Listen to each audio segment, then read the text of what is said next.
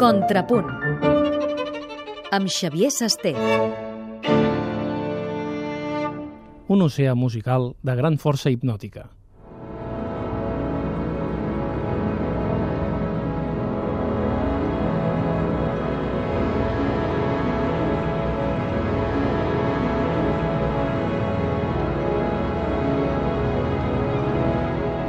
De l'aigua venim i a l'aigua tornarem. Aquesta és la idea de força que recorre Become Ocean, l'obra de John Luther Adams que ha servit per inaugurar la 28a edició del Sonar i que va ser estrenada el 2013 per la Simfònica de Seattle.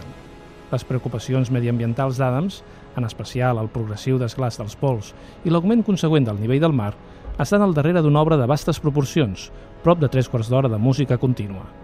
El mateix autor ha declarat que confia que la seva música creï un paisatge estrany, vell, imponent, a vegades fins i tot aterridor.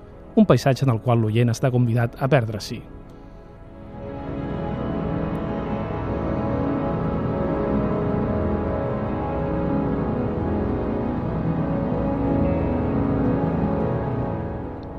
La música d'Adams és, en el fons, d'una simplicitat desarmant, tan efectiva com hipnòtica.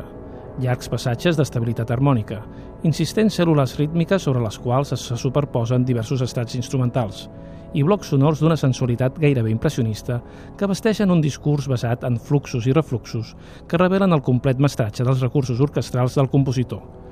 El minimalisme de Philip Glass o de John Adams és un dels referents possibles d'una música davant la qual l'única opció per a l'oient és submergir-se a fons.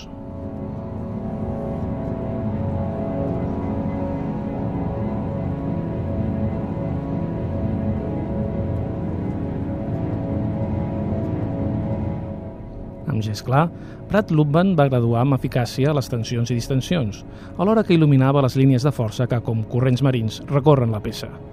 Després d'uns quants anys de parèntesi, una concentrada OBC tornava a inaugurar el Sonar, un festival que de tant en tant s'ha fixat en el que podem anomenar música clàssica contemporània.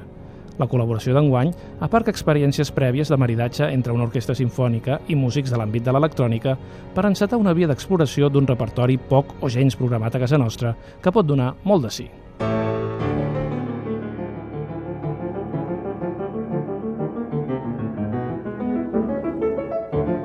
Contrapunt amb Xavier Sasté.